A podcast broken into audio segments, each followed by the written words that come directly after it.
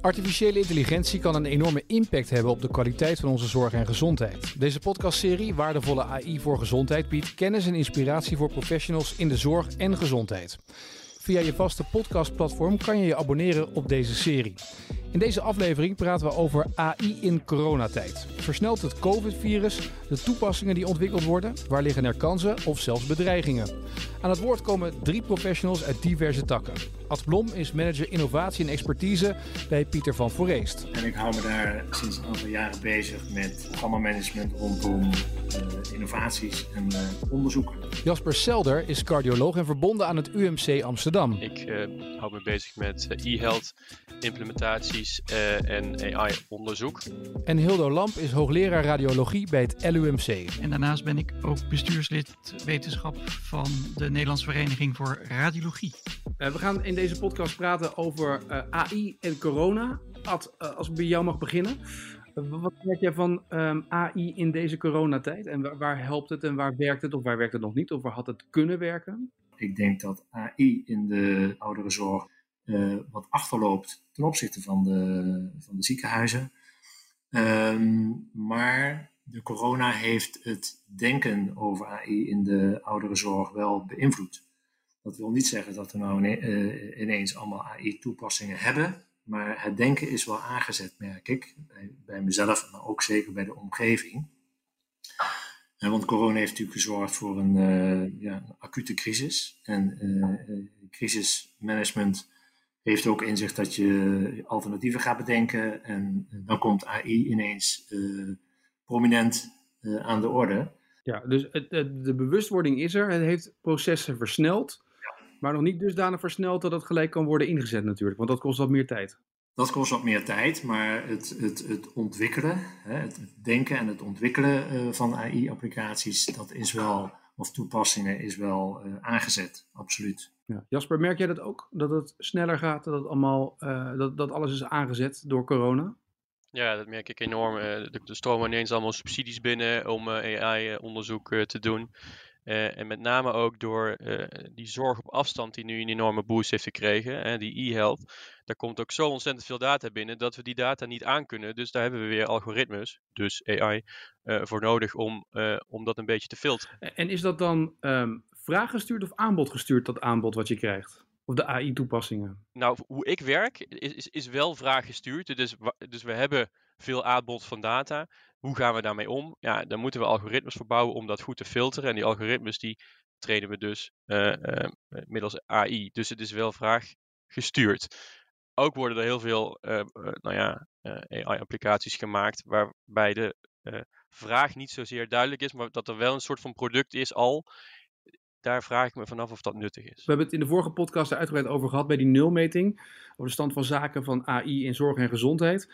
En Hildo, daar viel op dat, dat juist bij radiologie en dat soort uh, uh, onderdelen van de zorg, dat daar al heel veel AI-oplossingen zijn gemaakt vanuit, de, vanuit het aanbod in plaats van vanuit de vraag. Ja, dus we hebben natuurlijk al heel veel ja, letterlijk oog op deze nieuwe ontwikkelingen, omdat wij van oudsher al natuurlijk met beelden werken. En vanaf heel lang geleden, rond uh, 2000, zijn alle archiefsystemen gedigitaliseerd. Dus toen zijn we overgestapt van analoge foto's naar digitale beelden.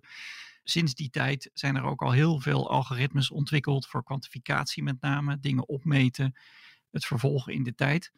Maar daar zat nog een heel erg belangrijke handmatige component in. Dus we noemen dat dan voortdurend semi-automatisch. Je hebt een, een handig beginnetje maar je moet toch met de hand iets aanpassen. En ja, door de, de laatste ontwikkelingen, eh, met name door natuurlijk uh, ontwikkelingen bij Google en Snapchat en al die grappige plaatjes en hoedjes, uh, zijn al die technieken ook toepasbaar gebleken op medische beelden. Dus dat heeft een enorme vlucht genomen. Dus we hebben nu een heel arsenaal aan apps en bedrijven en applicaties die allemaal kleine onderdeeltjes kunnen. Bijvoorbeeld het herkennen van een longnodus. Uh, dan vervolgens kijken hoe groot is die, hoe scherp begrensd is die, verandert die in de tijd. Dus zo zijn er allerlei van dat soort algoritmes al ontwikkeld. Maar die zitten allemaal nog wel een beetje in het grijze gebied tussen research en kliniek. Het blijkt toch uh, vaak weerbarstig om die echt in de werkelijke kliniek te implementeren. Daar zijn nog heel wat uh, drempels te nemen. Wat zijn de drempels die te nemen zijn? Nou, gek genoeg, de techniek werkt. Ehm, een belangrijk praktisch punt is hoe ga je het betalen? want we hebben dan per feature, hè, ik zeg maar wat, een longnodus, dat biedt dan één firma aan.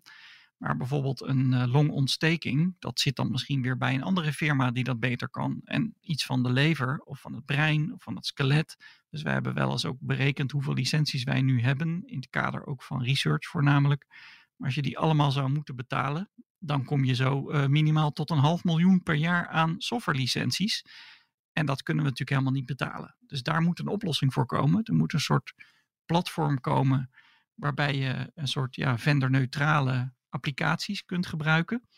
En dat je dan abonnement neemt op dat platform. Dat is een beetje het idee waar we nu aan werken. Ook met uh, Philips uh, hebben we veel samenwerking. Dus daar zijn heel veel initiatieven lopend. Dat je een soort ja, wat goedkoper abonnement krijgt. Maar dat je door de grote kwantiteit hè, van die uh, onderzoeken die dan door dat platform gaan.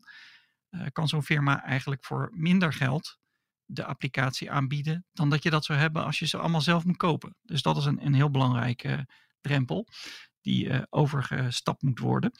En een ander punt is, is in het kader van de ontwikkeling, want die algoritmes zijn al aardig, maar ze kunnen natuurlijk beter. En eigenlijk wat je zou willen, is dat je bij elk onderzoek wat je doet, de computer bijleert. Want wij zeggen, we passen dan die, die data aan, of je tekent iets anders in, of je past de diameter van de longnodus aan of je, je doet iets. En eigenlijk zou je willen dat die computer van al die edits leert. Want uiteindelijk is de toepassing van AI heel mooi, maar je kan daar natuurlijk inderdaad zelflerende systemen van maken. En met een COVID-crisis zoals we dat nu hebben gezien, zou dat natuurlijk heel veel dingen kunnen herkennen of in ieder geval kunnen voor zijn voordat we heel ver gaan uitbreiden. Zeker. En wat wij gedaan hebben in uh, het begin van vorig jaar, toen we natuurlijk al zagen in februari dat het uh, een interessant uh, probleem zich opdeed, is dat we ook geprobeerd hebben van alle ziekenhuizen in Nederland een centrale database op te bouwen. Dat bleek allemaal juridisch allemaal ingewikkeld. Dus wij hebben een nieuw initiatief gestart vanuit de vereniging Radiologie. Dat heet de Beeldbank Radiologie. die is ook op internet te vinden, beeldbankradiologie.nl. En dat willen we eigenlijk als een platform aanbieden voor iedereen die research wil doen. Dus je kunt daar beelden uploaden van CT's of uh, later misschien andere dingen. Maar onze eerste use case gaat specifiek over COVID-19. Dus dan kan je daar CT-beelden en thoraxbeelden uploaden. En daarnaast via een andere routing uh, de informatie over de patiënt. Dus uh, zijn er stollingsproblemen, is er koorts, uh, nou ja, allerlei labwaardes en andere dingen. En die kun je dan koppelen aan de beelden. En vervolgens kun je daarmee dan ook algoritmes trainen. Technisch gezien werkt dat fantastisch. We hebben hele goede partners en, Nederland is super sterk in ICT. Toen liepen we weer tegen de AVG aan. Daar hebben we dan wel allerlei uh, papieren voor in het leven geroepen. Maar dat is zo weerbarstig dat er eigenlijk tot nu toe maar twee ziekenhuizen echt zijn aangesloten. Het Erasmus in eh, Rotterdam en het Maastricht UMC. Die zijn de voorlopers. Die hebben het hele papierwerk al doorlopen. Maar het geeft aan hoe ingewikkeld het is. Jasper, het zegt mij ook wel dat we uh, al heel ver zijn met AI en dat we, dat heel, dat we hele grote stappen nemen in, in de zorg. We zijn natuurlijk niet heel ver, vind ik. Ik vind dat we in het begin zijn. We, we, we staan in het begin van het ontwikkelen van, uh, hè, zoals Hilde ook zegt, uh, automatische beeldherkenning. En die, die, althans in de zin van het. Um, beeldherkenning is er wel en het zijn allemaal verschillende appjes. Maar hoe implementeer je die nou in de dagelijkse workflow? En zonder dat je inderdaad tegen de AVG aanloopt, hè, want die regelgeving is natuurlijk ontzettend ingewikkeld. Maar ook hoe, hoe implementeer je dat in, het, in, in, in je EPD, in je dagelijkse workflow? Dat, dat zien wij hier in het Amsterdam UMC ook nog als heel moeilijk. Um, dus ik vind dat we qua ontwikkeling van AI echt in het begin staan. En hoe komt dat? dat, je dat hoe komt het dat we uh, voor jouw gevoel in het begin staan? Is het omdat het nog niet algemeen bekend is, dat, het, eh, dat jullie er wel mee bezig zijn, maar op heel veel vlakken dat mensen er nog niet mee bezig zijn? Nou, dat sowieso. Ik denk dat we hier met, met drie mensen spreken die, die voorlopen op dit gebied. Dus voor ons is het allemaal uh, wel bekend. Maar heel, heel, heel veel van mijn collega's die vinden het vooral ja, ook, ook lastig. Ja, uh, moet ik dat nou gebruiken? Kan ik daarop vertrouwen? Hoe doet zo'n algoritme dat nou? Hè? Eh, die uitslag eh, zegt mij niks. Ehm, ben ik dan verantwoordelijk voor de uitslag? Eh, dat soort dingetjes, die, die moeten allemaal nog een, een weg zien te vinden. En nou, ik denk dat dat nog lang gaat duren hoor. Hildo? Ja, het is inderdaad heel moeilijk nog. En dat heeft ook mee te maken dat elke toepassing andere software heeft. En dan is de user interface weer anders. En dan is vaak weer het probleem om die beelden in die software te krijgen. En dat lukt dan natuurlijk weer niet. En de server die crasht. En het software doet het weer niet. En al dit soort problemen voortdurend. Maar er zijn wel bepaalde oplossingen voor die wij nu al ook echt gebruiken. Uh, nu zijn we net uh, bezig met het uitrollen van een toepassing voor COVID-19-detectie automatisch. Dat is de oplossing van uh, Tirona uit Nijmegen. En hoe dat werkt is eigenlijk dat we er als radioloog niks aan hoeven te doen. Dus de beelden die worden door dat algoritme herkend. Dus zodra er een CT van de longen is gedaan, wordt automatisch herkend dat dat zo is. Dan worden die beelden automatisch gekopieerd naar een server. De AI wordt gedraaid. Dan wordt er een rapport gemaakt met kwantificatie van hoe erg is het, welke longkwabben zijn aangedaan. Een bepaald puntenscore wordt erop losgelaten. En dat resultaat wordt dan als plaatje teruggezet in het PAX, het systeem waar we ook de CT bekijken. Dus als radioloog doe je eigenlijk niks. Je klikt gewoon de CT aan. En in datzelfde veld verderop staat dan ook de uitslag van de AI-kwantificatie. En ik denk dat dat een heel belangrijke oplossing is om de, ja, de artsen te ontzorgen, zodat je helemaal niks van die software hoeft te weten. We hebben daar in het LUMC nog wel een humane intelligentie tussen zitten. En dat is uh, het ISG, zoals wij dat noemen, de Image Service Group. En die routen eigenlijk al dit soort dingen. Dus die checken of die servers draaien, of de algoritmes werken, of de data wordt doorgestuurd naar PAX, want dat gaat natuurlijk ook nog wel eens fout. Dus het zit allemaal nog in een soort uh, houtje-touwtje fase. Maar we geloven er heilig in dat dit uiteindelijk de oplossing wordt. Dat je een soort experts hebt op de achtergrond. Dat zijn dan misschien uh, klinisch technologen of technisch geneeskundigen of dat soort opleidingen. Die dan die, al die processen goed in de gaten houden en zorgen dat het werkt. En de klinicus die ziet het resultaat. Dus dat kan heel veel hoofdpijn schelen, denk ik. Ad, je hoort deze verhalen vanuit het ziekenhuis. Hoe, kijk je, hoe luister je naar vanuit de zorginstelling? Dat je ineens denkt, wat gebeurt hier allemaal? Hoe kijk je daarnaar? Ik vind het uh, ja, heel, heel mooi om te horen. En als ik een vergelijk trek met de ouderenzorg, dan uh, herken ik ook uh, de technische hiccups, zeg maar, die maken dat het niet als vanzelfsprekend wordt omarmd in het werkveld. maar ik herken ook uh, de persoonlijke, de professionele hiccups. Hè? Mensen die nog wat wantrouwend ten opzichte van de techniek staan. Dat net, net ook al even genoemd, dat is bij ons zeker ook aanwezig. En daardoor merk ik ook dat als je een toepassing hebt, ook uh, een AI-toepassing die een zorg zou kunnen ondersteunen, en ik kan zo een voorbeeld noemen, dan is het niet per definitie dat dat uh, omarmd wordt. Dan heb je nog slagen te maken in de mindset van een professional.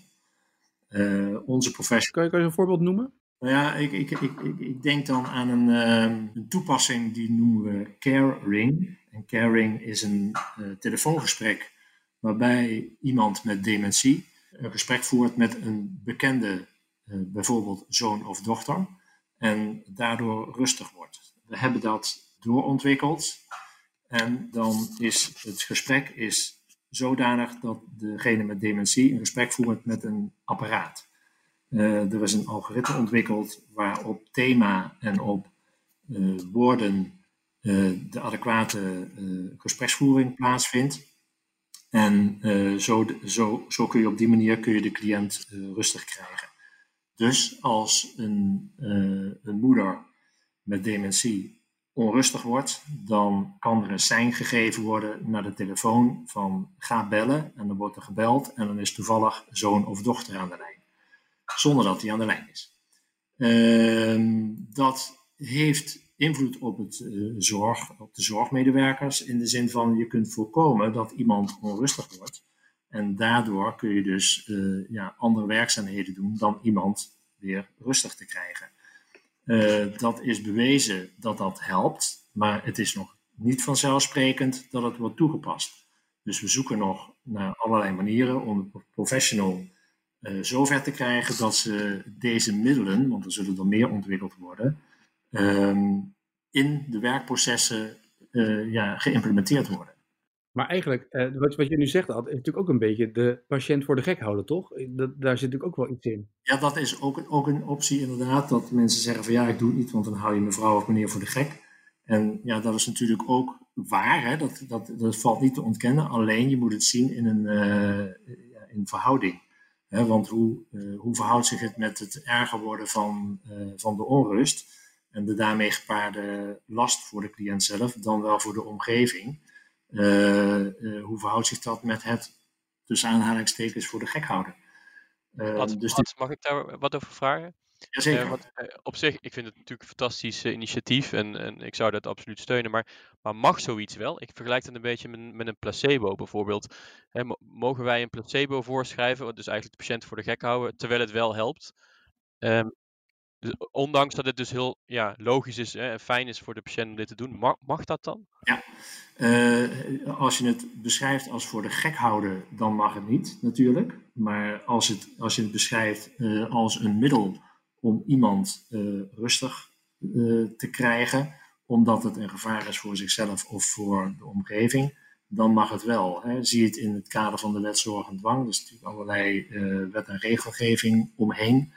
Ehm, ja, dan kun je naar middelen grijpen die zorgen dat er ja, minder onrust is en ehm, dat daarmee de cliënt zichzelf bijvoorbeeld minder schaadt. Ehm, dus de wet en regelgeving is zeker van, uh, van toepassing hierop. En uh, in die zin mag het wel als het maar proportioneel is. Ik hoor jullie allerlei dingen vertellen. Ik wil toch even terug naar, naar het begin. Ik hoorde Hildo vertellen over AVG, Jasper vertellen over AVG. Ik hoor dit verhaal van Ad. AVG is natuurlijk ook niet voor niets. Hè? De patiënt heeft natuurlijk ook recht om beschermd te worden en dat niet alles zomaar openbaar gedeeld wordt. Dus vanuit een zorginstelling, vanuit een zorgperspectief begrijp ik jullie vanuit onderzoek dat je alles wil hebben. En dat je misschien met COVID zo snel mogelijk alle informatie binnen wil hebben. Maar er is ook nog iets anders, die patiënt natuurlijk. Ja, daar, daar is zeker uh, wel natuurlijk een belangrijk element aan. Dat je niet zomaar alles zou mogen gebruiken. Maar het probleem nu is dat het eigenlijk zo goed beschermd is dat je haast niks meer kunt. En dat is een beetje het probleem op dit moment. We hebben ook wel eens overleg gehad als radiologievereniging met uh, de inspectie Volksgezondheid. En aan hun gevraagd, hè, want zij gaan je uiteindelijk beoordelen als je iets goed of fout doet. Uh, en hebben wij gezegd, ja, wat mogen we nou wel en wat mogen we nou niet? En die zeggen dan altijd, je mag veel meer dan je denkt. En eigenlijk mag alles als het maar anoniem is. En je, er is veel meer mogelijk dan wat nu gebeurt. Maar als we dan vervolgens vragen, ja, maar stel dat wij nou iets doen en jullie vinden dat achteraf toch niet goed, dan krijgen we een probleem. Hè? Dan, dan uh, word je berispt of, uh, of nog erger. Uh, dus willen wij van tevoren weten, wat mag er nou wel en wat mag er nou niet? En dat is eigenlijk het probleem. Niemand geeft die duidelijkheid. Dus ook de juristen niet, het ministerie niet, IGJ niet. Het is super onduidelijk. Dus ik denk wat enorm zou helpen, is dat we een, een lijst zouden krijgen of een, een, notitie of een document, formeel, bijvoorbeeld vanuit het ministerie, wat beschrijft wat we nou wel en niet mogen. Um, als Hilde dan zegt dat de patiëntdata uh, wel anoniem gebruikt mag worden, dan is dat ook weer lastig. Want wat is nou anoniem? Hè? Als je een foto hebt, uh, um, kun je daar heel veel uithalen al. Hè? Een foto op een bepaalde datum gemaakt, is dat dan nog anoniem? Dat wordt hier in het Amsterdam UMC elke keer benoemd als wij weten niet zeker dat dat anoniem is. Hè? De juristen hier. Ad, we hebben natuurlijk uh, vanuit de zorg, wordt natuurlijk, vanuit het ziekenhuis wordt er veel gedaan. Nu hoor je dat er allerlei AI-oplossingen worden geboden. Uh, AI en corona voor de zorginstelling, uh, hoe, zit, hoe, hoe kan dat helpen? Nou ja, ik denk dat het uh, in coronatijd heb je natuurlijk een, een plotseling enorm tekort aan, uh, aan medewerkers, aan personeel, zorgmedewerkers. En ik denk dat AI daarbij kan, uh, kan ondersteunen. Dus als er een uh, ontwikkeling zou zijn dat alle systemen die wij in de zorg gebruiken, denk daarbij aan de domotica, camera's, sensoren, geofencing enzovoorts.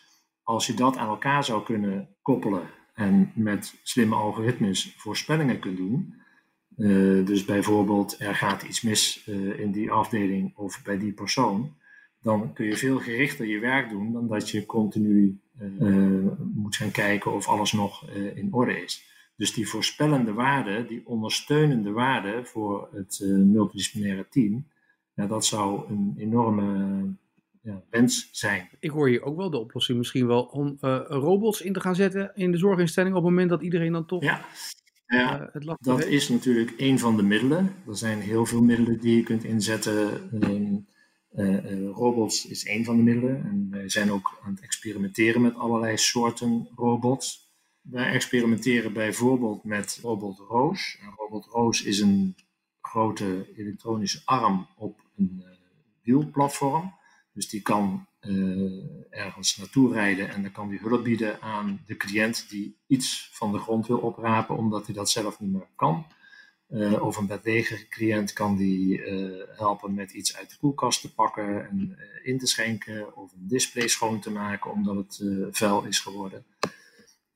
Alleen Robot Roos die wordt nu nog vanuit een cockpit uh, bestuurd. Dus er wordt een opdracht gegeven en iemand achter een cockpit met een joystick die, die doet de handelingen. En met die handelingen leert Robot Roos. Dus die probeert daarmee steeds zelfstandiger die acties te kunnen uitvoeren. Nou ja, in de toekomst, je begrijpt dat is nu nog in een heel pril stadium, maar je kunt je voorstellen in de toekomst dat dit een, ja, een manier is om cliënten zelfstandig, zonder het inroepen van de hulp van een professional bijvoorbeeld, uh, te helpen. En, en, hoe reageren eigenlijk de cliënten erop, op zo'n robot? Ja, heel divers. Er zijn mensen die zeggen van uh, ik geef hem niet meer terug. En er zijn cliënten die hebben zoiets van oeps, uh, wel heel vreemd tegen een blikken ding aan te, te praten. Maar je ziet doorgaans dat als ze eenmaal gewend zijn, dan, ja, dan ontdooien ze als het ware en dan wordt het toch steeds gewoner. Dus ehm, de cliënten die hebben bij ons ook uh, zeggenschap in de ontwikkeling van zo'n robot. Bijvoorbeeld uh, een robot die praat. Uh, dan zeg je ja, natuurlijk, een robot die praat, maar met welke stem? De ene stem is veel aangenamer dan de andere stem. En cliënten kunnen bijvoorbeeld mee, de keuze maken van ja, welke stem is nu het meest adequaat voor, voor welk doeleind. Um, nou zo kunnen ze natuurlijk ook meedenken over de, de functies. Dus we proberen uh, cliëntgericht zo'n robot uh, vorm te geven. Jasper, dit komt concreet voort uit de zorginstelling, uh, wat daar gebeurt. Um, nu zijn natuurlijk in die ziekenhuizen enorme overstroom aan coronapatiënten. Dus de, de druk op de zorg is enorm. Hoe kan dan AI helpen voor mensen die andere zorg nodig hebben? Heb je daar voorbeelden van hoe jullie daarmee omgaan dat mensen niet steeds naar het ziekenhuis hoeven te komen, maar dat je misschien ook al vanuit huis dingen kan zien of ontdekken? Ja, zeker. Dat, daar, daar zijn we groot, eh, eigenlijk met een groot project bezig. Uh, dat heet het SHARP-project. Uh, het staat voor Cardiology Hospital Admission Risk Predictor. Um, simpelweg um, gebruiken we alle alle data die in ons EPD staat van de afgelopen vier jaar, en dat zijn multimiljoenen datapunten, waarop we um, uh, zeg maar, uh, het algoritme trainen om te voorspellen hoe groot de kans is dat de patiënt in de komende maand opgenomen wordt. Nou, dat, dat neuraal netwerk wat daarin getraind wordt, nou, dat is in, in principe nu getraind. En daarmee kunnen we dus uh, op basis van bloedwaardes, datums van foto's, van alles en nog wat ehm, bij elkaar een voorspelling, gewoon één simpele risicovoorspelling doen. En op basis van die risicovoorspelling kunnen we dan patiënten um, eerder uh, vinden die, die mogelijk uh, een hoger risico op opname vormen. En die kunnen we bellen, die kunnen we eerder, bijvoorbeeld bij hartfalen, kunnen we die eerder uh, behandelen met, met ontwateringsmedicijnen of iets dergelijks. op die manier kunnen we die patiënten uit het ziekenhuis houden en hebben we dus meer tijd voor de patiënten die daadwerkelijk wel in het ziekenhuis liggen. Um, en dat gaat nog, een, nog verder als je straks dus met e-health allerlei thuismonitoring doet. Dan komt natuurlijk nog een hele hele hoop data binnen. Als we die data er ook in kunnen gooien in dat model, dan kunnen we nog beter voorspellen uh, wie er wel uh, en niet uh, vroegtijdig opgespoord Maar dit klinkt een beetje als dat jij mij morgen gaat bellen en zeggen: Goh, we hebben de data van de afgelopen vier jaar eens bekeken. Hoe voel je je eigenlijk? Want het ziet er naar uit dat er deze maand wat gaat gebeuren met je. Nou ja, dat klinkt natuurlijk een beetje raar. Maar we bellen natuurlijk, of de hartfalenverpleegkundigen bellen natuurlijk sowieso nou ja, bijna, eh, laten we zeggen, maandelijks met een aantal patiënten. En, en dan gaat het ook op deze manier. Dan bellen we ze op uh, en dan zeggen ze, ja, uh, hoe is het met u mevrouw de Jong? Je hoeft niet te gelijk te zeggen dat er een indicator is geweest van dat het een hoog risico is. Maar gewoon, je belt die patiënt op en vraagt hoe het met ze gaat. En dat vinden ze over het algemeen alleen maar heel fijn. En als het dan niet goed gaat, dan kun je op tijd ingrijpen. En als het wel goed gaat, is het ook prima. Hè? Ik bedoel, het algoritme heeft niet een 100% uh, goede voorspelling. Uh, maar dan bel je de volgende patiënt. Dat past eigenlijk ook een beetje in het beeld dat uh, we meer in de preventie gaan zitten van zorg. Dan dat, we, gaan, dat je eigenlijk veel meer gaat proberen te voorkomen dan dat je het hoeft te genezen steeds. Ik denk dat dat voor de toekomst heel belangrijk is. Dat we zorgt dat mensen gezond blijven en dus niet ziek worden. De, de net, net nog gezonde mens vroegtijdig uh, detecteren en die dan ook gezond houden. Dat kunnen we niet uh, zeg maar handmatig, dus daar hebben we algoritmen voor nodig. Hildo, als ik nou al deze verhalen hoor uh, en ik pak dat rapport erbij waar we het in de vorige podcast over, over gehad hebben, die nulmeting, daarin blijkt dat er tal van initiatieven zijn, overal door het land maar dat het vooral, nou ja, ik wil net niet zeggen zolderkamerdingen zijn, maar dat het vooral heel erg eigen wordt gehouden. Ik hoor je ook wel een paar keer zeggen, uh, hoor ik jezelf zeggen, door COVID zijn we meer gaan samenwerken, zijn we meer met elkaar gaan praten. Maar hoe zorg je nou voor dat die oplossingen AI ook regionaal worden, uh, of, of, misschien wel landelijk worden ingezet? Ja, dat, dat is een heel interessant bijeffect van uh, COVID-19. Dat we meer zijn gaan samenwerken, centraliseren en ook connecties zijn gaan maken tussen de publieke en private partners in dit onderwerp.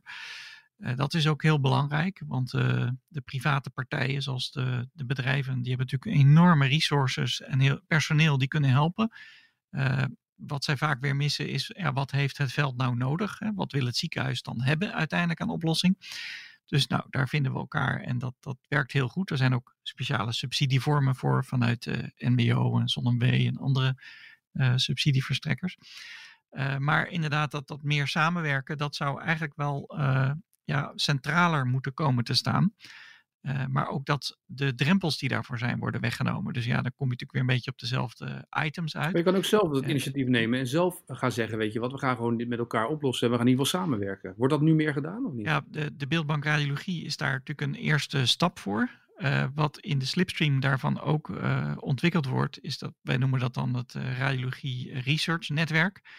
We willen ook in het algemeen een netwerk opbouwen, zodat we sneller kunnen samenwerken, zodat je precies weet van wie heeft welke expertise, wie kan wat ontwikkelen, wie heeft al iets gedaan, maar ook uh, welke patiëntgroepen zitten in welke ziekenhuizen, zodat je bij nieuwe problemen veel sneller tot resultaten kan komen. Dus dat is ook een heel belangrijk uh, initiatief, is dat we proberen al die mensen aan elkaar te knopen. En vooral, misschien nog belangrijker, is ook connecties te maken naar de andere vakgebieden, de andere medisch specialisten en vooral ook de huisartsen, die zijn heel belangrijk. Uh, dat die ook kunnen aanhaken bij zo'n netwerk, zodat je bijvoorbeeld een patiënt kunt inventariseren op het moment dat hij zich meldt met een bepaald probleem. Laten we nu dan zeggen COVID-19. Je kan dan al heel veel basisinformatie opslaan in een generieke database.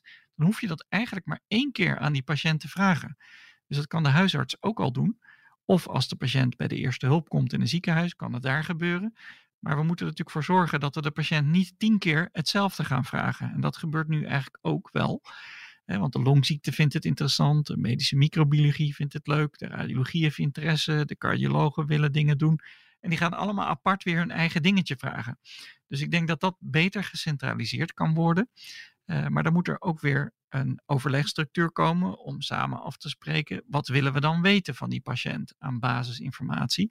En ik denk dat daar de FMS, de Federatie Medisch Specialisten, weer een heel belangrijke rol bij kan spelen om dat te faciliteren. Jasper, zoeken jullie ook al uh, bij het UMC nadrukkelijk de samenwerking? Die zoeken we wel, maar uh, dat is best lastig. Um, het Amsterdam UMC is al groot genoeg om daar iets voor elkaar te krijgen, is al, is al een ding. Uh, en als je dan ook nog wil gaan samenwerken, hè, dus dat je de, uh, bijvoorbeeld een, een, AI wil gaan trainen op bepaalde data, met het, Amsterdam, met het Maastricht UMC of met het UMC Utrecht of zo, dan maakt dat het wel heel erg ingewikkeld. Want dan, zoals Hildo denk ik eerder ook zei, moet je dan die data ergens centraal krijgen en dan kun je dan op bepaalde uitkomsten gaan trainen. Uh, daar zijn wij nu wel mee bezig. Uh, bijvoorbeeld vanuit een clubje van de FMS, eh, een AI-werkgroep, om, om te kijken of we dan federated learning kunnen toepassen. Dat betekent dat je de data eigenlijk niet meer centraal plaatst, maar dat je de data laat bij de ziekenhuizen.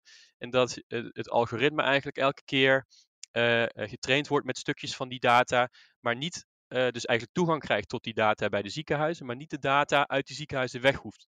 Dus op die manier zou je ook kunnen samenwerken. Technisch zijn we wel heel erg onderweg. Er, er is nog veel meer mogelijk. Uh, en dat is ook nog wel een speurtocht die we misschien door de jaren heen moeten gaan maken. Jazeker. En ik denk dat ja, eigenlijk de sky is the limit. Hè. We zitten nu een beetje. In, je hebt zo'n soort innovatie-parabool. Uh, dus eerst heb je een hype en dan zit je op een piek en iedereen vindt het helemaal fantastisch en nou, alles kan. Denk dat we nu een beetje op de downslope zitten. We zitten nu een beetje meer in de realistische fase. Dat we denken, ja, er zijn toch ook wel uitdagingen en, en moeilijkheden mee. Uh, maar het interessante nu is dat deze cyclus is al eerder een paar keer geweest. Vanaf de jaren 50 is dat aan de gang. We zitten nu ongeveer in de vierde golf. Uh, maar die golf, die, die lijn die blijft nu hoog. Omdat we nu zulke goede computers hebben. Dat we nu veel meer kunnen realiseren wat toen der tijd een droom was. Uh, maar tegenwoordig is dat ook echt mogelijk. Dus ik denk dat we nu een beetje uit de hyperfase zijn en meer in de realistische fase terechtkomen, meer een plateau bereiken. En dan, dan wordt het ook echt. Dus ik verwacht echt dat we in de komende vijf jaar enorme stappen maken voor de, de werkelijke integratie van AI in de zorg. En voor de duidelijkheid, je bedoelt een innovatiegolf, hè? want we zitten nog niet eens in de derde golf van corona. En dat begon natuurlijk over AI in coronatijd. Voordat mensen nu denken dat er een vierde golf aankomt en we daar zeg maar allerlei stressfactoren voor gaan hebben. Het gaat om de vierde golf van innovatie. Goed. Um, Adblom, Jasper Selder en Hilder Lamp, dank voor jullie bijdrage in deze podcast. En wilt u nou meer weten over het rapport waar we een paar keer naar verwezen hebben, of ook eens kijken naar praktijkvoorbeelden, video's rondom AI in coronatijd? Dat kan via de website www.datavoorgezondheid.nl slash uit de praktijk. Dat is eh, de website waar heel veel op staat. Dus um, daar nog veel meer inspiratie en ook het rapport te downloaden op datavoorgezondheid.nl. Wat betreft tot over twee weken.